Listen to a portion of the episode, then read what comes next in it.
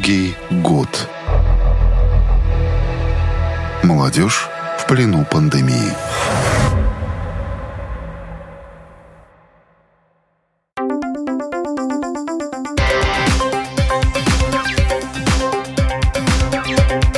Поколение Z. Здравствуйте, с вами Марина Талапина, режиссер программы Даниэль Йоффе. Спасибо большое, что подписываетесь на нас. География наших подписчиков растет, нас уже слушают и в Америке. Ждем, подключайтесь, Латинская Америка, Австралия.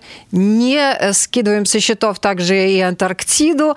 Почему бы нет? И э, сегодня, как всегда, мы говорим а, на темы, которые важны для подростков. Программа «Поколение Z» можно слушать э, на всех платформах, включая Spotify, Google, Apple подкасты наши, а также можно нас видеть на э, канале YouTube и на нашей страничке в интернете lr4.lv. Э, большой резонанс получил выпуск «Я кричу тебе, политик, я туплю на удаленке». Еще больший резонанс э, вызвал выпуск «Вою я на удаленке». И мы решили продолжить эту тему и Сегодняшняя программа называется «Вою я на удаленке, вы впустите меня в школу».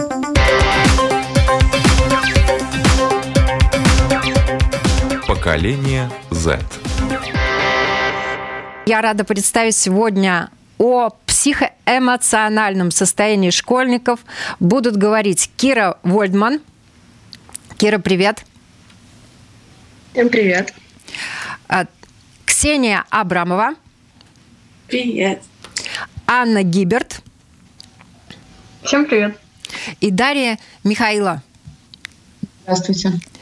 И Даша, вот как раз ты на самом деле зачинщица всего этого резонанса. Ты предложила поднять тему психоэмоциональное состояние школьников. Об этом очень много говорят родители, об этом очень много говорят взрослые вообще, учителя, как им тяжело, родители, особенно начальных э, классов, э, школьников начальных классов, как тяжело им учиться вместе с детьми, потому что очень большой груз на них э, лег. Но подростков в основном жалеют. Вот наша программа хороша тем, что в ней э, говорите э, вы, сами подростки, поэтому, Дашенька, расскажи свою историю.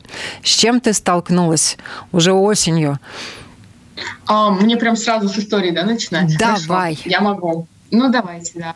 Um, ну, это даже началось много лет, там, перед школой. Я не уверена, насколько на это повлияла пандемия, но точно повлияла, потому что все мы остались э, в своих вот этих вот коробках, квартирах, столкнулись с какими-то проблемами, э, со своими демонами, тараканами, и как нормальные люди я начала, наверное, закапывать себя немного в это, и я столкнулась э, ну, настоящим диагнозом, как ОКР, обсессивно-компульсивное расстройство, и это, ну, я до сих пор борюсь с ним, да, но уже намного лучше. И вообще я бы очень хотела рассказать о том, как можно найти помощь э, бесплатно и платно, и, э, в принципе, о том, как можно это пережить, потому что, в принципе, единицы, только единицы знают о том, как можно решить эту проблему без, допустим, э, внедрения родителей в это, или вообще как это можно решить бесплатно с помощью государства, но Моя история началась с того, что я пошла к родителям, я почувствовала сильную слабость, я не ела несколько недель, и это все сказывалось на моей жизни, на моей концентрации, на моей учебе в школе, э, потому что на тот момент э, мы еще учились в школе, да, и в общем-то, я пошла к врачам, и, как я бы хотела отметить, э, немаловажную часть играют телефоны доверия, на которые можно звонить. Я знаю, то, что многие боятся звонить на телефоны доверия, но они также могут служить какую-то службу. Не всегда там попадаются люди, которые, правда, могут помочь, но как минимум один раз мне попадался человек, который помог мне с моей паникой. Вот. И э, также, как как не делала я, но делала одна моя подруга, потому что она также столкнулась с проблемами. Это обратилась в ПУС аудиоресурсу Центрс, где можно договориться о бесплатном приеме с психологом, и дальше вам могут предложить некоторые программы, как можно помочь себе, допустим, какие-то группы, ментора и так далее. Давай а, мы э, об этом да. немножко позже поговорим, но хочется да. очень, э, чтобы тема ну, действительно была раскрыта, а поговорить, что к этому вообще привело, да, э, до того, как э, ты начала искать помощь, да, что с тобой происходило. Ты вот начала рассказывать, что ты перестала есть, ты пришла к родителям, концентрация, да. внимание, из-за чего все это начало происходить. Знаете, проблема в том, что очень сложно объяснить, откуда это. Один момент ваша жизнь может быть распланирована до ну, до каких-либо мелочей. То есть вы можете знать, куда вы в университет, что вы будете делать, что, чего вы хотите от жизни. Я помню день до того, как все было хорошо. Я помню, как я была на дне рождения, все было прекрасно, и на следующий день я оказываюсь... Я, я, я просто расскажу день, как бы я была парикмахерской, потом я поехала э, в магазин, и я помню, как в парикмахерской Линдекса меня, э, ко мне пришла моя первая обсессия, после которой я приехала домой, легла и две недели не могла встать. Да.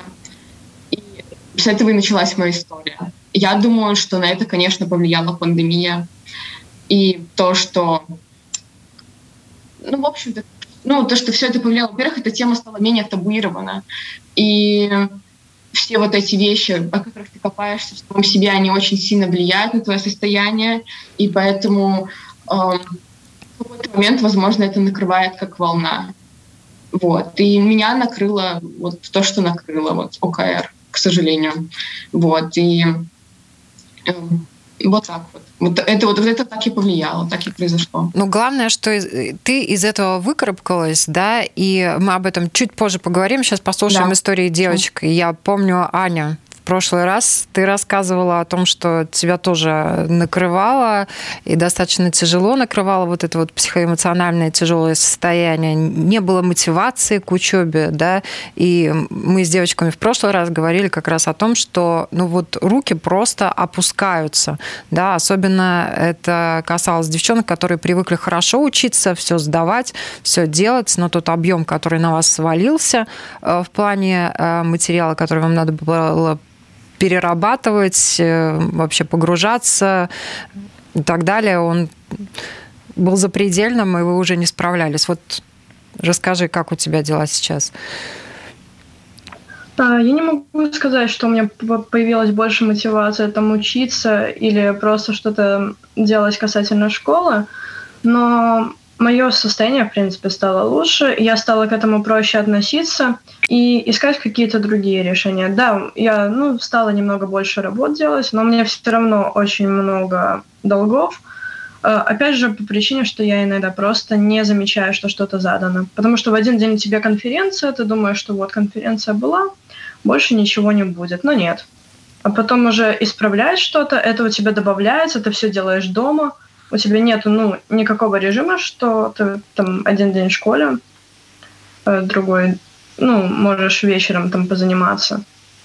Э, Еще есть большая проблема, что у меня есть занятия, которые после школы. Эм, и если во время учебы в школе мы могли...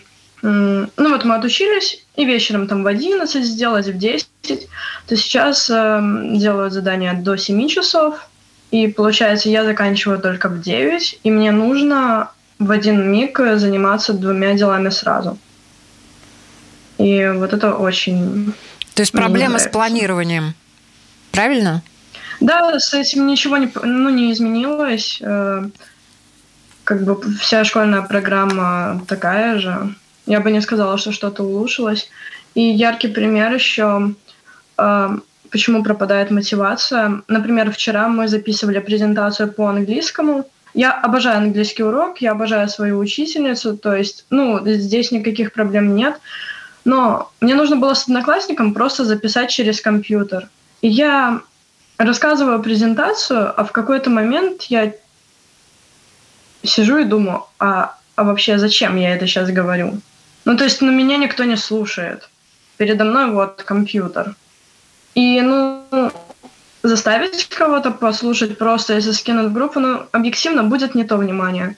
И получается, что с такой учебой очень много сил уходит впустую. а знаний не приходит. Потому что, ну, если там используешь интернет-ресурсы, то понятное дело, что совсем не то. Кира, Ксения. Я хотела сказать немножко другое мнение о том, что у нас же, в принципе, было два раза удаленка, которая сначала была в прошлом марте и до мая, и вот в этом году э, учебном. И та, которая была в прошлом году, на самом деле она мне понравилась, потому что в какой-то э, мере это было что-то новое. Я думала, ну все, раз в жизни такое бывает, я должна этим насладиться. Я была очень мотивирована, я прошла один курс, начала новые какие-то проекты делать, была вот прям полна энергии, потому что у меня появилось больше времени, чем обычно, и я хотела его использовать. Но когда пришла второй раз удаленка, я уже не была так мотивирована, потому что это уже какой-то обузой начинает быть. И ты не можешь из этого выбраться. И я не знаю, у меня не получается э, идти как-то по плану. У меня не получается для себя цели ставить. Э, у меня тоже, как у девочек, очень пропадает мотивация. И я хочу сказать, вот как творческий человек, э, и вдохновение пропадает, и желание что-то делать, именно создавать что-то свое пропадает. Потому что я, ну, как бы я скована в четырех стенах, и нету никакого опыта реального не приходит, никаких новых впечатлений, впечатлений реальных тоже не приходит. И вот это вот как-то медленно убивает. Угнетает, да? Кира. Да. Ну, я полностью согласна с тем, что первая удаленка, она просто в корне отличается от того, что мы сейчас имеем, потому что если в первый раз, я практически уверена, что каждый был рад этому, типа, вау, сколько много свободного времени, сам планируешь, все делаешь, и такие прям грандиозные планы себе ставил. Но в итоге то, что сейчас мы имеем, все от этого устали, причем даже неожиданно, это как свалилось, так и, и не уходит. И Э, говоря о эмоциональном состоянии, мне кажется, что каждый школьник ощутил давление, вот эту потерянность. Помимо потери мотивации, он, ну, в принципе, вот как девочки уже сказали, сложно найти себя, найти, ну, придерживаться, например, режиму дня или вообще какому-то плану.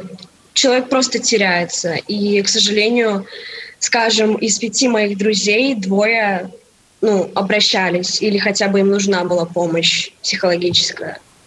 Помните, мы в прошлый раз говорили, э, тот, кто учится дистанционно в других школах и давно учится дистанционно, у них даже по объемам работы э, и занятий, количество занятий, количество предметов, которые им надо освоить там, в течение полугода-года, он у них э, чуть ли не в два раза меньше. В чем кроется mm-hmm. вот именно проблема? Ну, я думаю, что это очень связано как раз-таки с системой. Но у меня лично бывает еще такая проблема, что в школу я прихожу, и там есть люди, с которыми я не общаюсь регулярно. А на удаленке, ну, я там встречаюсь, э, можно сказать, только с самыми близкими людьми. И то есть у меня такой стабильный поток информации – каждый человек, ну, каждый мой друг способен что-то привнести новое, но есть какие-то определенные границы. И получается, что я не получаю ничего совершенно нового или неожиданного. То есть, ну, Вакуум. меня накрывает одна и та же э, информация, а хочется что-то, что может тебя как-то вообще сдвинуть.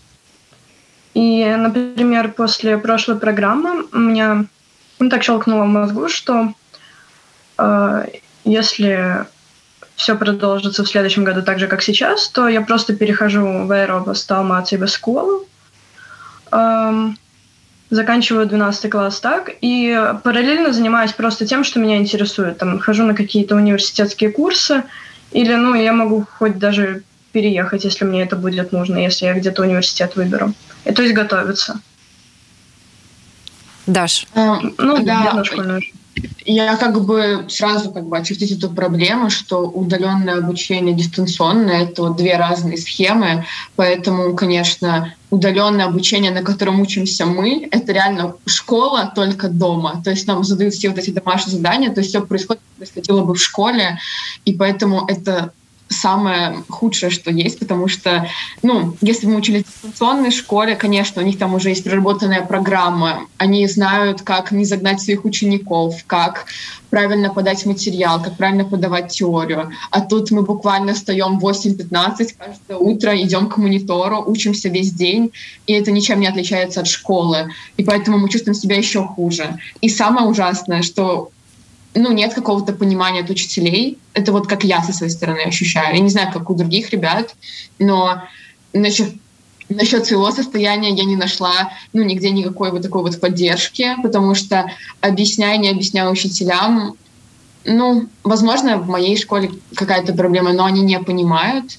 То есть э, я вот вернулась, я вот скажу, я вот была в стационаре, да, я уже не боюсь об этом говорить, я говорю об этом честно. Гализера там какая-то там ноделя, э, то есть я там реально была две недели или три, я вернулась, и во-первых, я должна была сделать все домашние задания, во-вторых, мне пришлось объяснять каждому учителю, что да, вот мне плохо, извините, я не могу вам сдать домашнее задание вот вовремя, я могу сдать со срочкой. И были даже такие ситуации, когда приходили к моему классному руководителю и говорили, что, ну, она врет, да, то есть как бы этого нету. Вот. И как бы я просто не находила понимания со стороны учителей. То есть многие учителя просто отказываются понимать, что ну, нам тоже сложно. То есть, что мы также сидим целый день возле компьютера, что мы делаем эти домашние задания, что нет никакой мотивации. Вот на данный момент вроде бы со мной все хорошо, а с другой стороны у меня, наверное, долгов 10 да, и я не могу, вот я вот сидела вчера весь вечер, смотрела на эти долги, но ничего не сделала. Вот, и как бы я думаю, что у всех похожая ситуация, просто у кого-то, наверное, есть понимающие учителя, но со стороны старшего поколения, хорошо, если молодые понимают, да, вот со стороны старшего, старшего поколения я э, ну, не всегда чувствую эту поддержку, да, потому что э, для многих э, наверное, все это немного надумано, что это проблема где-то у нас в голове, что мы сами себе что-то придумали, что-то там себе сами там надумали, нас себя, сами себя загнали, и поэтому как бы решайте эту проблему сами. Меня она не интересует. Вот, ну вот так, к такому отношению, как бы, ну с таким отношением столкнулась я. Ну, а у меня, кстати, вот, ну вот у меня именно бумажка вот на руках, где реально написан диагноз, и все равно многие не верят. Все равно перед многими я должна оправдываться, и даже слышать такие фразы, как «Слушай, даже ты уже пользуешься моей добротой, вот ты уже неделю мне говоришь, что у тебя проблемы, и ты не сдаешь мне работы». Ну, так а ну, к сожалению, из-за того, что тема также табуирована, никто не знает, что какие-то, ну, вот такие вещи, как выгорание, депрессия, еще что-то, это длится не неделю. Это не, ну, ни в коем случае, это не длится неделю, это длится месяцами, это может длиться годами, а то и больше.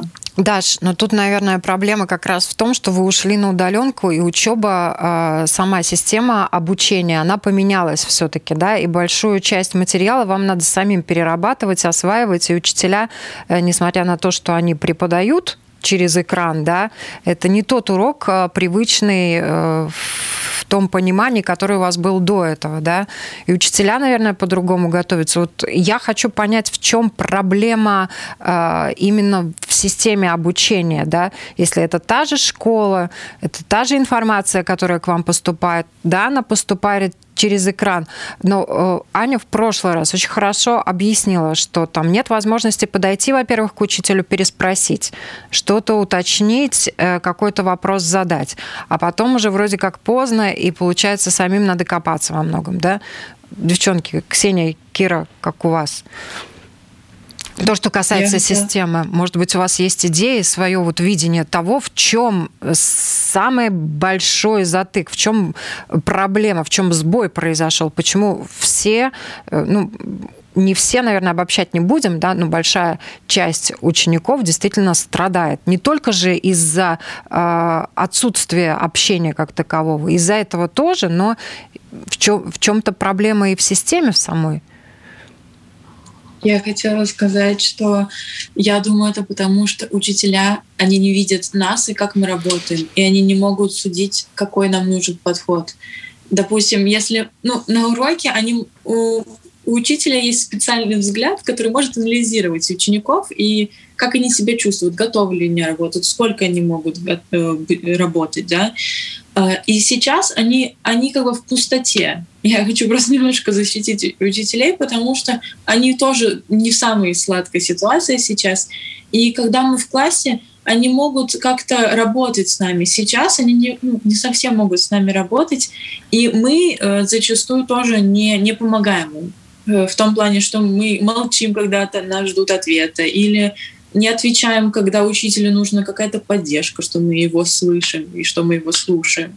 Э, также я считаю, э, проблема в том, что э, ну, в том, что мы сидим дома, и мы не можем с друг другом коммуницировать, что мы сами изменились. Э, лично я чувствую, что у меня, допустим, память ухудшилась. Я вообще перестала что-либо запоминать, и я все время пользуюсь интернетом, и я не знаю, как я напишу экзамены в этом году, потому что вот такая ситуация. Кира, Вообще сложно сказать, проблема это в системе или в чем-то другом, потому что у каждой школы система разная. Вот, например, если у кого-то там каждая конференция вот идет по плану, там сколько уроков, 8, например, столько и конференций, и при этом, например, домашки нет, то у нас может быть две конференции на день, и потом какая-нибудь проверочная тоже на определенное время. И получается, в один день ты можешь просто ничего не делать практически весь день, в другой день у тебя просто, я не знаю, гора работ, которых нужно сдать. И я такую тенденцию тоже заметила, что понятное дело, что учителей нужно, нужно понять, научиться понимать их тоже, потому что они тоже не, ну, не в легкой ситуации.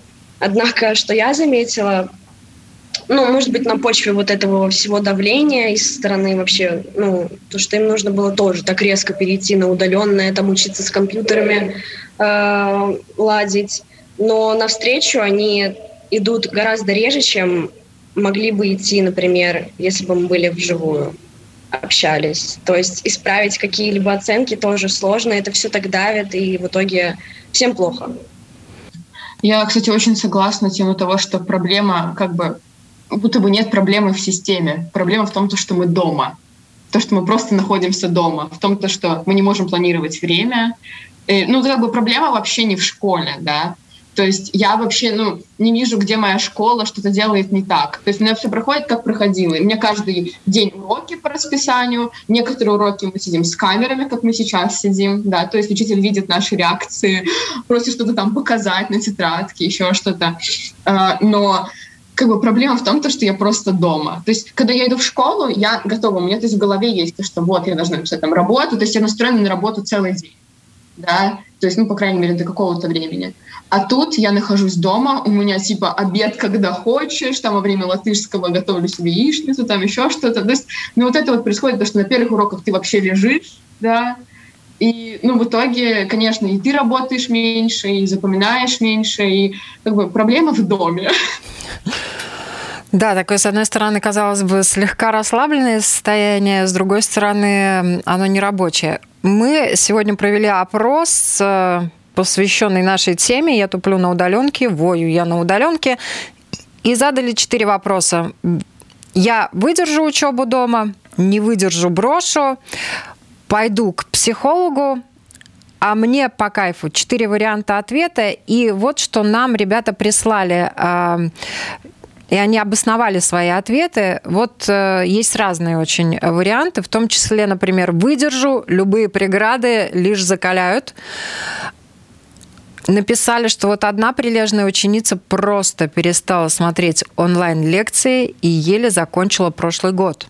Кто-то пишет, просто пропал стимул самообразования. Не выдерживаю и хожу к психологу. Не хватает коммуникации с одноклассниками и головные боли из-за компьютера. Все классно. Я привыкла к удаленке и уже не хочу возвращаться на очное обучение. Такие тоже ответы есть. Наоборот, лучше. Можно читать презентации, сидеть в уютной обстановке. Задание легче. Стресс из-за того, что интернет виснет и иногда сложно освоить новую тему. Очень нравится дистанционное обучение, так как сама планирую свой день. Правда, включение камер очень страшное, принудительное и принудительные ответы не радуют, и включение микрофона тоже вот это вот немножечко человеку не нравится. Также нам написал наш Леонард, и он пишет, первое, выдерживаю и не хочу, чтобы вообще удаленка прекращалась. Второе, нет считает, не надо ее заканчивать все равно. В следующем году, поступая в универ, вот там будет сложно, но я что-то придумаю. Э, третье. Психолог не нужен. Сначала было плохо от того, что вечно сидел дома, сейчас уже все нормально, адаптировался. И четвертое. Иначе бы я не мог совмещать работу и учебу, а теперь могу, просто сижу на уроке и параллельно работаю. Вот такие выходы для себя нашли ребята, которые прислали нам э, э свои ответы. Спасибо Спасибо им за это большое. Ну, то есть ответы разные. Кто-то адаптировался, у кого-то не получилось. Кто-то пошел дальше, начал совмещать работу с такой вот учебой. Для ребят, которые тяжело э, переносят, понятно, тут надо решать вопросы. Наверное, от тех, кому э, удобно, все хорошо, у кого все получается, тут нет предмета для разговора, но вот хочется поговорить, конечно, о том, какие есть выходы из создавшейся ситуации, как увидеть свет в конце туннеля и какие вот вы для себя нашли решения все-таки для того, чтобы продержаться. Вообще, скоро же в конце концов каникулы, вы их ждете? Э, я бы хотела еще сказать, что мне кажется, что удаленка очень хорошо подходит для людей, которые, в принципе, немножко скептически относились к школе. То есть они очень много обучались сами, у них были конкретные цели. А те люди, которым действительно нужна школа, которым нужно как-то эм, ну, понять себя, выкарабкаться, то есть, ну, на- найти, в принципе. То есть сейчас они остались, ну, по факту ни, ни с чем. Понятно, что новая система, надо к этому привыкнуть, э, да, и с другой стороны, кажется, это вот-вот закончится, зачем э, привыкать, да, и проблема, наверное, как раз заключается в том, что вообще вопрос а, адаптироваться к новой системе, к новым реалиям, или это пройдет и не надо к ним адаптироваться, да, то есть такое подвешенное я состояние. Думаю, что, я думаю, что все-таки есть грань между адаптироваться и привыкнуть. То есть ты можешь принять, и, ну, принять это с камнем на сердце. Это неправильное решение будет. А адаптироваться, то есть, ну, ты должен найти и понять, зачем ты это делаешь.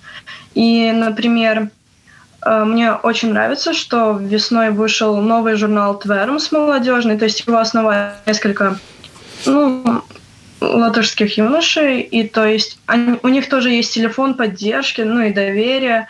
Э, каждый день, ну или через день кто-то дежурит, они организовывают зум-встречи. Э, и, например, была возможность каждому человеку написать в следующий выпуск, который будет летом, и тема была «Измисумс», то есть выгорание именно. Я очень жду следующего выпуска, мне будет интересно почитать, что вообще пишут люди вокруг меня. У меня также есть еще знакомые, которые организовывали, ну вот я сама участвовала, ориентирование по Юрмале. Это было очень круто, но это была такая узкая тема. Там ты мог приглашать кого угодно, но ты делишься на команды, чтобы, ну, чтобы это не было нелегально, чтобы не было там сборища людей. И это было очень круто. То есть ты целый день гуляешь. Ну ладно, не целый день, там было полтора часа, извиняюсь. Но ты бегаешь, ищешь эти объекты, знакомишься как-то с городом. И опять же, это новое. То есть ты узнаешь э, рядом с собой то, что раньше не замечала. И это организовывают, организовывают люди, которые, э, как это сказать, ну, они не разочаровались. Даже если им было грустно, они, они справились. И такие люди очень помогают. Ну да, то есть люди, которые готовы какими-то новыми своими идеями поделиться, как-то во что-то новое втянуть, но это отвлекает от учебы, да. Но вот были какие-то моменты, которые вам помогли именно сконцентрироваться, там, я не знаю, лайфхаки какие-то, там, я в 8-15 встал, э, там, режим наладить и вот строго его соблюдать. Или все прям все. Лежу, компьютер включил, лежу, в обед попу поднял, встал, сходил, камеру включил, выключил, звук включил, выключил. Ну, есть какие-то вещи такие, которые вас все-таки заряжают? Я могу сказать, что меня мотивирует, но я уверена, что это многим не понравится, как и мне самой, но это действительно работает. Давай. Когда учитель говорит, что вот, ты должен показать работу, или ты должен отправить работу, так как было на первой удаленке. Ты каждый день что-то отправлял, ты делал маленькую часть работы и отправлял. То есть мог сделать на протяжении всего дня, когда тебе было удобно. Сейчас мне задают домашнюю работу по математике, э, я могу просчитать, когда меня примерно спросят, и сделать ее раз в месяц. Ну, то есть обучения у меня нет. А, лайфхак, которым я могу поделиться, это если правда все настолько плохо, то, ну, в том плане, что если выгорание, чувствуешь себя очень плохо и, в принципе, потеря мотивации, то, наверное, лучше ситуация, ну, по- по-хорошему, наверное, нужно пойти к терапевту, психотерапевту, да. Ну, как бы это то, что помогло мне, вот, и вот, и как бы и вот те же самые даже бесплатные функции, я могу вот сейчас перечислить, если надо, если хотите, да. То есть это, во-первых, это телефоны доверия, но чисто из своего опыта я не советую, да, то есть там не особо сильно помогают. Что классно, это ПУС аудиоресурсу центр, куда пошли несколько человек, которых я знаю, и сейчас они там ходят разные группы, то есть это абсолютно сейчас вот, ну, как пандемия, там все организовано как надо, и то есть там менторы, ты с ними общаешься. Вот у меня вот подруга, она стала ну, вообще другим человеком. Она вообще по-другому начала относиться к школе, к миру. И то есть раньше, наверное, она ну, как бы я думаю, что всем тут знакомо знакомый термин, как, ну, как бы, как этот синдром отличницы, да, как бы я думаю, что у многих он есть, и как бы, и вот она начала относиться намного спокойнее, она, как она говорит сама, я на чиле, да, я отдыхаю, вот, и вообще по-другому начала относиться к миру. Лично я пошла на я пошла к КПТ психотерапевту. КПТ — это когнитивно-поведенческая терапия, где ты меняешь свои взгляды, учишься отвлекаться и так далее. Сейчас мне намного легче, да. Все еще есть проблемы с концентрацией и так далее, но я над этим работаю, да. То есть у меня уже появилась мотивация что-то делать. Если до этого я лежала полстом и ничего не делала, то эм, вот буквально недавно, может, месяца два назад, спустя долгое количество моей работы, Потому что, ну, когда ты идешь к психотерапевту, как бы тут такой как бы, тут нужно говорить, что ты должен сам много работать. То есть врач за тебя все не сделает. Да? И, к сожалению, нету никаких магических таблеток, сама проверяла, нету. Эм, когда ты ее выпьешь, ты резко такой, я весь мотивированный, я хочу жить, хочу там развиваться, и да, таких нету. Вот, и Просто нужно работать над собой, работать над тем, как ты воспринимаешь, что происходит вокруг, и, наверное, относиться ко всему немного проще, потому что эм, первая дистанционка, как мы говорили, да, она вообще классно повлияла, вторая не очень, и вот, ну, как бы я стараюсь приспособиться, как бы изворачиваться как могу, так же, как и Аня, то есть как просчитать, посмотреть, сфоткать. У нас группа есть как бы отличниц, которые другу присылают домашние задания. Как бы скиньте математику за пять минут до урока, кто сделал, тот скинет. Я тоже могу сказать, то, что я Возможно, я не учусь, ну, то есть я не получаю такое образование, как получала до этого, но другого варианта нет. Тут либо приспособиться, либо, ну, либо никак. Вот так Кира? Некоторые вещи, которые мне помогли, Первое, это я перестала вообще слушать музыку, потому что я ее стала слушать просто, я не знаю, по, ну, 24 на 7. Серьезно, во время лекции еще, и это прям вводило, вот, я все глубже и глубже уходила вот подсознание, вообще абстрагировалась от мира. Это правда. В общем, не делайте так. Я перестала слушать музыку, я начала писать режим дня. Я вообще со временем не дружу, и особо не пунктуальный человек. Но вот я начала писать режим дня и хвалить себя за то, что я там встала вовремя, побегала, собака погуляла, там сделала что-то по дому. Но при этом, что касательно учебы, то я до сих пор могу, например, не пойти на какую-то лекцию просто потому, что я знаю, что это будет бесполезно. Или там не сделать какое-то домашнее задание, или сделать, но поздно. Ну, то есть эти рамки вообще, они так размыты. Я знаю, что мне ничего не будет за то, что я там, ну, пропущу что-то или что-то не сделаю, потому что знания и так теряются. Вот. И еще э, то, что реально помогает, помогают, это Young Folk со своими разными такими мероприятиями, там мафию играем, э, там, я не знаю, всякие такие мероприятия онлайн устраиваем, это правда спасает вечерами с ребятами общаться. Ксения. Я поддерживаю девочек. Я еще хотела добавить, что очень помогает да, участвовать в разных вещах э, и также помогает развивать свои интересы и даже больше на них делать акценты, чем обычно, если нравится рисовать, то рисую, если нравится играть на музыкальных инструментах, то играть больше. И это лучше делать, чем смотреть сериалы или фильмы, потому что я знаю, что во время пандемии э, фильмами и сериалами заинтересовались очень много. И мне кажется, это неправильно, потому что ты потом после просмотра чувствуешь себя пустым, потому что ты ничего не приобрел, а когда ты занимаешься своим любимым делом или пойдешь на какую-нибудь интересную конференцию, у тебя сразу какой-то энтузиазм в тебе просыпается. И еще э, одна вещь — это организовывать какие-то ивенты самим, э, и тогда ты чувствуешь в себе какую-то ответственность за что-то, что тебя как бы движет вперед. И э, также, когда ты организовываешь, ты чувствуешь, что ты э, ну, не только для себя сделал что-то хорошее, но и для других. И это очень большая мотивация. Вот я немножко э, ранее спросила вас, вы каникул ждете, вы как-то так закивали, ну, вслух не, вербализ, не вербализовали, не сказали, ждете вы их или не ждете, в конце концов? Да, очень ждем.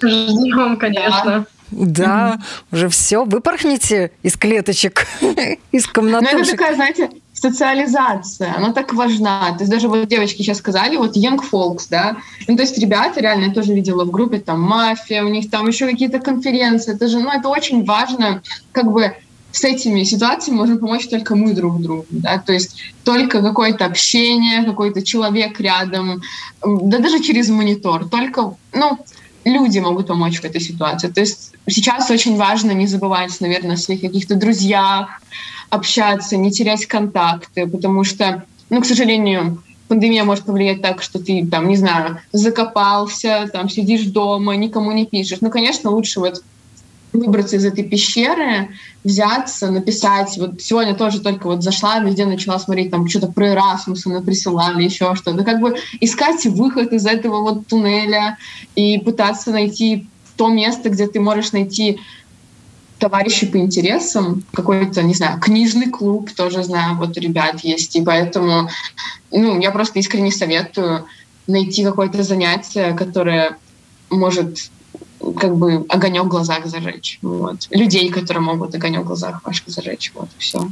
Что вас стимулирует последние эти две, три, четыре, сколько там недель осталось, выдержать, продержаться? Может, может прозвучит очень иронично, но главное не расстраиваться. Вот просто не расстраиваться. Так все же классно на самом деле. Все живы-здоровы. Никто еще не сошел с ума? Ну, так... Можно сойти с ума. Но не Может сошли что угодно произойти. Ну, можно обратиться ну, к психологам, ты, ты, ты, к психотерапевтам. Я согласна с Аней. Я согласна с Аней нужно помнить, что всегда может произойти все, что угодно. То есть мы должны помнить, что наша жизнь — это ну, даже самые великие планы, еще что-то, все может сорваться такой же пандемией, состоянием и так далее. Вот это вот урок, который получила я за этот год, все мои планы, все мои вот эти вот великие планы, которые у меня были до пандемии, до моего состояния, они просто могут в момент упасть и развалиться, как какой-то песочный замок. Просто нужно помнить, что нужно помнить о, о себе, о своем каком-то счастье. И да, вот так вот. Аня, надо с нами прощаться. Анечка, чему тебя научила эта удаленка? Меня удаленка научила тому, что нельзя бояться менять что-либо. Ты хочешь одно, э, тебя что-то сбивает, э, это тебе повод задуматься, а не просто приуныть. И нужно быть гибким. Спасибо тебе большое. Мы тогда с тобой прощаемся. Девчонки, что бы вы изменили из тех обстоятельств, которые помогли бы вам пережить этот год, да? То есть есть какое-то обстоятельство, которое реально мешает, а вы взяли бы его и изменили. Всем в этой ситуации очень плохо, да. э, учителям ну, не хочет... Ну, Дашенька, бы, ну вот согласись, судя по тем комментариям, которые нам прислали, не всем. Но, нет, ну в том плане, что я говорю принципе, ну да, правда, сколько людей, столько мнений. Я говорю, в принципе, между учеником и учителем вот это вот понимание. Я понимаю, что, э, ну, как бы у всех по-разному, но я говорю как бы с высоты своего опыта. Вот, допустим, в моей школе, да, я бы хотела бы, чтобы понимание было со стороны нас и со стороны учителей. То есть такой, как бы, больше вот этой вот коммуникации, вот этой вот э, э, какой-то доброты друг, друг к другу, да, то есть не вот этой вот строгости, то есть мы понимаем, что и вам, ну, как бы учителям сложно, и нам сложно, они понимают, но вот чтобы мы больше, ну, как бы, чтобы они понимали, какое у нас положение, и чтобы мы понимали, что с ними происходит, да, то есть я понимаю, что кому-то окей, и это тоже класс, то есть я рада, что кто-то может работать и так далее, но я говорю про себя. Вот, и про Может людей, быть, было бы здорово в таких ситуациях вообще делать какие-то внеклассные такие мероприятия по Зуму, когда все и учителя там собрались, и ученики собрались, и под хорошую такую музыку посидели да поговорили вместе с кружечкой чая. А как вам там? Да, они о своем, вы о своем. Такое бы помогло? Я думаю, что просто бы, да, как диалог, да, это было бы прикольно. То есть, ну, как бы понимать, как учителям, то есть вот за это время я, там, допустим, звонила своему классному руководителю, она рассказывала, что у нее происходит, и я понимала, что им очень сложно. А я рассказывала, что у меня происходит, и она понимала, что нам тоже очень сложно. И вот такой вот э, разговор за чашечкой чая, кофе и чего угодно помог бы ну, как минимум вот этому вот, ну, понять, что происходит и на той стороне, и на этой, потому что мы не понимаем, что государство требует учителей. Учителя думают, что происходит с нами. И вот это вот все как бы в, такую, в такой узел, в такой клубок, который так сложно распутать, и какая-то обида есть и у тех, и у других, и ничего не понятно, и ты сидишь в этом доме, ничего не знаешь. Вот, вот такое просто у меня видение этого всего. Ксюша, Кира, какие у вас? Я бы занялась бы тайм-менеджментом. Я хочу, я хотела бы себе ставить более четкие цели и идти к ним более уверенно. Кира? Мне кажется, еще помогли бы вот какие-нибудь э, движи. Вот, например, э, учительница по спорту нам давала такое задание э, сделать видео, прям смонтировать э, и придумать свои какие-то упражнения на какую-либо определенную группу мышц. И вот я помню, как мы с Аней ходили по Юрмале в такую холод. Да, было холодно, но зато мы встретились, и это правда вот такой стимул э, повышает. И мы там сняли, музыку наложили, все по красоте сделали. И вот мне кажется, побольше вот таких креативных заданий от школы или каких-то проектов, которые бы можно было бы осуществить в таких условиях, и вообще было бы супер как раз оставила вопрос, э, вот что-то удаленка вам хорошего дала? Да, самооргани... умение самоорганизовываться. Все-таки научились? Ну и стрессоустойчивость тоже это как проверка, как Аня сказала. Может произойти все что угодно, нужно приспосабливаться к ситуации. Это просто как закаление. Ксения. Еще, мне кажется, меня удаленка сделала сильнее, тем, что, да, как Даша сказала, что все планы порушились, они были такие грандиозные. Вот, и это было очень больно, но теперь мне э, как бы любые беды не страшны, и потому что я знаю, что я через них перейду. И еще э, очень крутая вещь, которую э, научила удаленка, это быть креативными, потому что есть такие вещи, которые мы никогда не делали на удаленке, но мы знаем, что нам, мы же не можем бросить это теперь. Надо придумать какой-то новый вид, как мы это будем делать. И это э, открывает границы, да, и дает нам задуматься и что-то новое придумать. А что ты нового придумала? Ну, я в школьном совете, и школьный совет никогда не был на удаленке, и мы всегда встречались, э, и, и мы всегда делали контент для нашей школы, который был... Мы делали его в школе. А сейчас вот мы, мы начали делать э, новые рубрики, э, рубрики для наших соцсетей, которые никак ну, не, не то чтобы они связаны со школой, мы, мы их делаем из дома, и которых раньше не было. Мы также сейчас начали встречаться как-то э, онлайн и вот работать больше в онлайне. То есть круто, новый experience, новый опыт, да? Кира, у тебя опыт новый. Я начала фотографировать на пленочную камеру. Это прям это... У меня никогда не было времени, когда мы учились в школе. А сейчас прям, вау, очень много свободного времени, и я его применила с пользой. И что ты фотографируешь?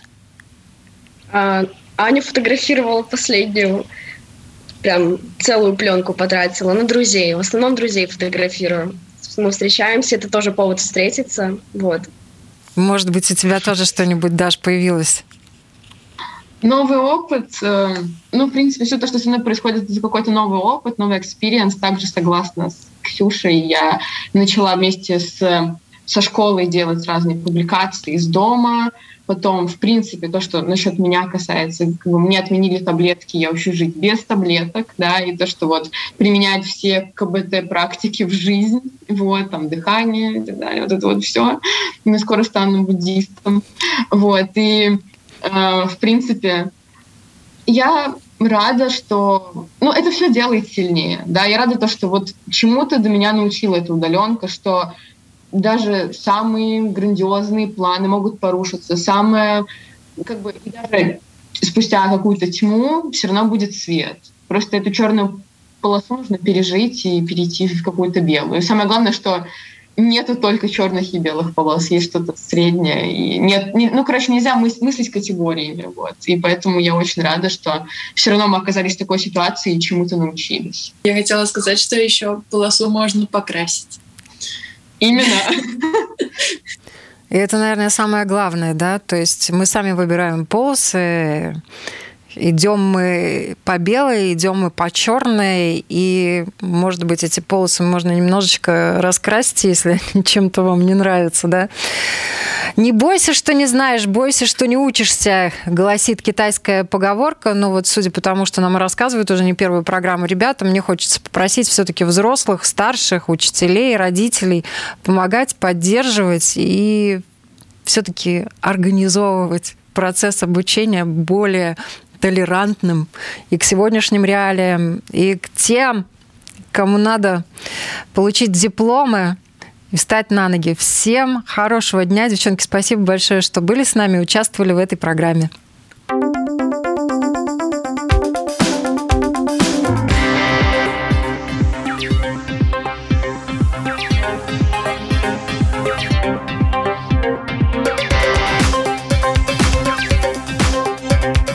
Поколение Z.